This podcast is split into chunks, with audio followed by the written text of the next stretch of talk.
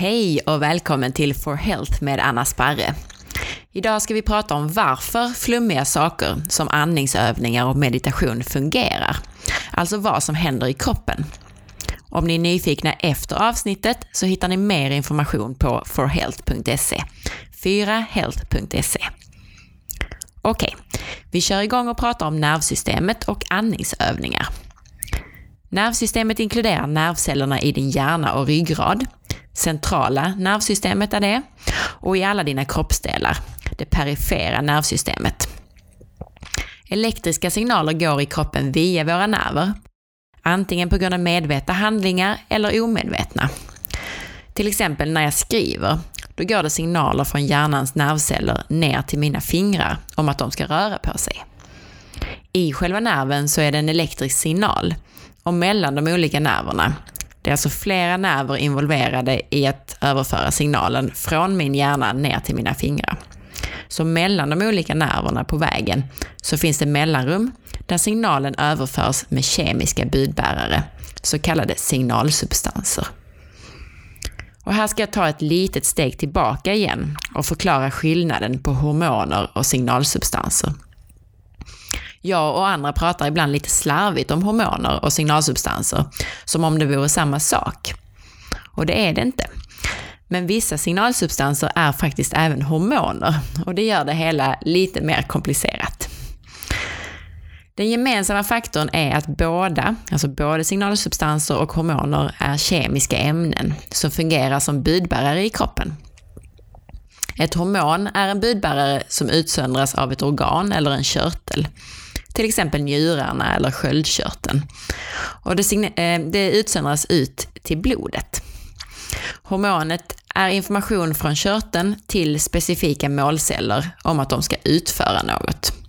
Alltså hormonet stimulerar cellerna på ett visst sätt. Till exempel insulin, som är ett ganska välkänt hormon, i alla fall i kostdebatten.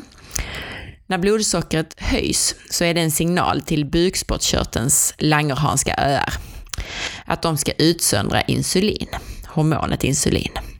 Insulinet utsöndras ut i blodet och stimulerar bland annat celler i lever och muskler om att lagra in blodsocker som glykogen. Men också fettceller att lagra in det som fett.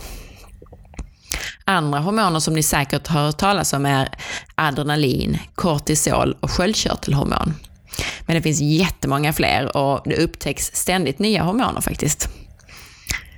Signalsubstanser däremot eh, är mycket mer kortvariga budbärare som verkar mellan nervceller. Och som jag sa, så elektriska signaler går alltså i kroppen via våra nerver. Och i själva nerven så är det en elektrisk signal, men mellan de olika nerverna så är det, finns det mellanrum där signalen överförs med kemiska budbärare, signalsubstanser. I mina fingrars muskler så heter signalsubstansen acetylkolin. Hjärnan är en stor samling nervceller så därför är det fullt med signalsubstanser i omlopp där uppe. Man pratar ofta om signalsubstanser i just hjärnan. Och andra välkända signalsubstanser är till exempel noradrenalin, dopamin, histamin och serotonin. Och bland de här signalsubstanserna så är det flera som även är hormoner. Dopamin till exempel har väldigt många olika funktioner, både som signalsubstans och som hormon. Bland annat är det inblandat i belöningssystemet. Och man har faktiskt kommit underfund med att det är en av de viktigaste faktorerna när vi utvecklar ett beroende, drog eller sockerberoende. Men dopamin är också ett hormon som utsöndras av hypotalamus i hjärnan för att minska produktionen av hormonet prolaktin när det behövs. Och prolaktin stimulerar bland annat kvinnors produktion av bröstmjölk, som ni kanske har hört. Okej, okay, men tillbaka då till själva nervsystemet. Som jag sa så går alltså elektriska signaler i kroppen via våra nerver, antingen på grund av medvetna handlingar eller omedvetna. Man kan alltså dela in nervsystemet i en medveten del, det somatiska nervsystemet som styr de muskler som ska röra vårt skelett, vår kropp. Och sen en, en omedveten del, det autonoma nervsystemet har ni kanske hört om någon gång. Och det är det som ser till att hjärtat slår, att tarmarna arbetar och att vi andas och så vidare, utan att vi medvetet behöver göra någonting. Den omedvetna delen, det autonoma nervsystemet, det kan i sin tur delas in i det sympatiska och det parasympatiska nervsystemet. Jag vet att det är många begrepp här och man behöver inte lära sig alla begrepp, men det kan vara kul att höra. Och så länge man hänger med på vad jag pratar om så kommer du förstå sen varför de här andningsövningarna fungerar. Det sympatiska nervsystemet, det är för de flesta inte alls särskilt sympatiskt faktiskt, utan det är det som är på när vi är i det här fight or flight mode, eller i vardagliga termer upplever någon form av stress. Det sympatiska nervsystemet stimulerar kroppen och gör det redo för flykt eller för rörelse. Det omfördelar blodflödet så att det går till hjärta och muskler och bort från matspjälkningssystemet till exempel. Hjärtat slår snabbare och blodtrycket höjs. Det går även sympatiska nerver till binjurarna som ökar sin utsöndring av stresshormoner som adrenalin och kortisol. Det parasympatiska nervsystemet, det är det som går igång när vi upplever lugn och ro. Det parasympatiska nervsystemet ser till att hjärtat slår lugnare, blodtrycket sjunker, matsmältningen stimuleras och så vidare.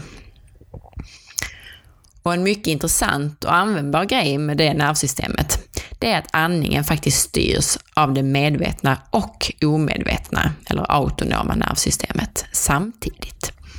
Det vill säga, du andas ju även om du inte medvetet försöker göra det. Eller hur? Men du kan ju också andas medvetet. När läkaren ber dig ta ett djupt andetag, då andas du ju medvetet till exempel. Det här gör att du kan komma åt det autonoma nervsystemet med hjälp av medveten andning. Så du kan alltså komma åt det, dina omedvetna, din omedvetna andning och din, ditt omedvetna nervsystem genom att andas medvetet. Med hjälp av andningsövningar så kan du aktivera det parasympatiska nervsystemet och på så sätt skapa lugn och ro och minska stressnivåerna i din kropp. Generellt kan man säga att när vi är stressade så andas vi grunt, alltså högt upp i bröstet. Och ibland håller vi nästan andan. För att skapa lugn ska man istället se till att fullfölja varje andetag så att det känns ända ner i magen. Magen höjs när du andas in och sjunker in när du andas ut. Se särskilt till att fullfölja varje utandning så att du inte börjar andas in innan utandningen är klar. En enkel avslappningsövning är att bara sitta eller ligga några minuter och fokusera bara på andningen och att fullfölja varje andetag ända ner i magen. Men ta gärna del av någon eh, andningsövning som, som du kan hitta på någon avslappningsskiva eller, eller på internet kanske.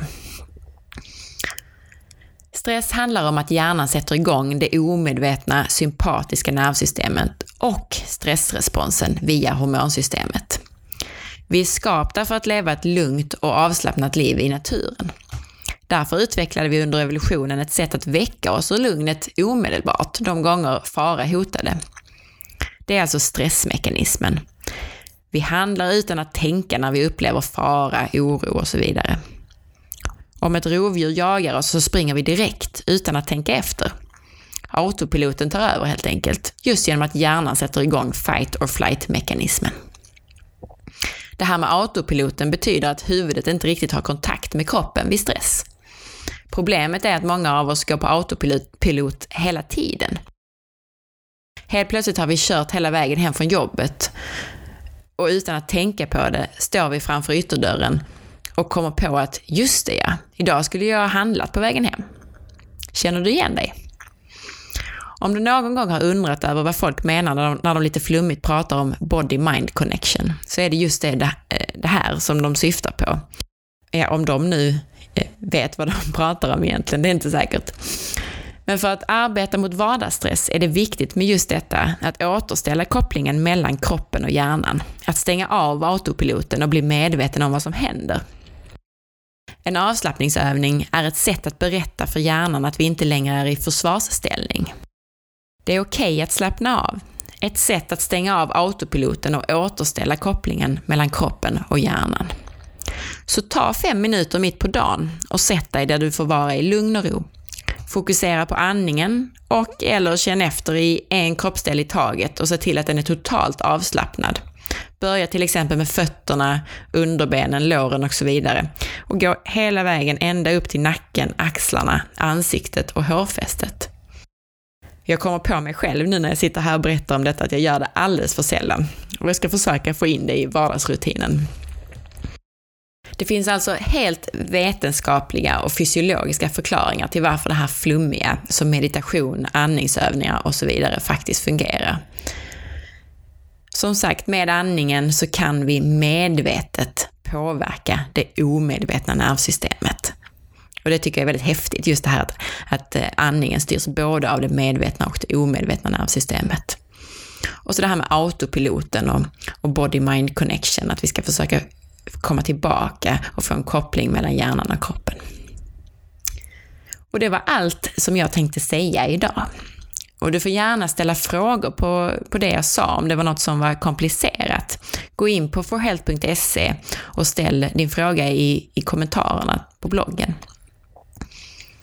Tack så mycket för att du lyssnade och gå gärna in på iTunes och tyck till om den här podcastkanalen. Det gör du genom att klicka på ikonen, det vill säga bilden på mig, och sen välja betyg och recensioner. Där klickar du på stjärnorna. Klickar du längst till höger så markerar du alla fem stjärnor, om du tyckte att det var bra. Och klickar du längst till vänster så blir det bara en stjärna, det vill säga om du tyckte att det var sämre. Du kan på samma sida trycka på knappen Skriv recension och skriva en mening om vad du tycker. Om du vill dela med dig av avsnittet till en vän så klickar du på pilen bredvid knappen Prenumerera och väljer antingen att kopiera länken och klistra in i ett mail till vännen eller att dela på Facebook. Glöm inte heller att titta in på forhealth.se för att ställa frågor, antingen som sagt på, på ämnet från idag, eller något helt annat. Frågor som vi kan ta upp i kommande avsnitt. Och frågorna ställer du som sagt i kommentarerna till blogginläggen. På återhörande och ha en härlig dag!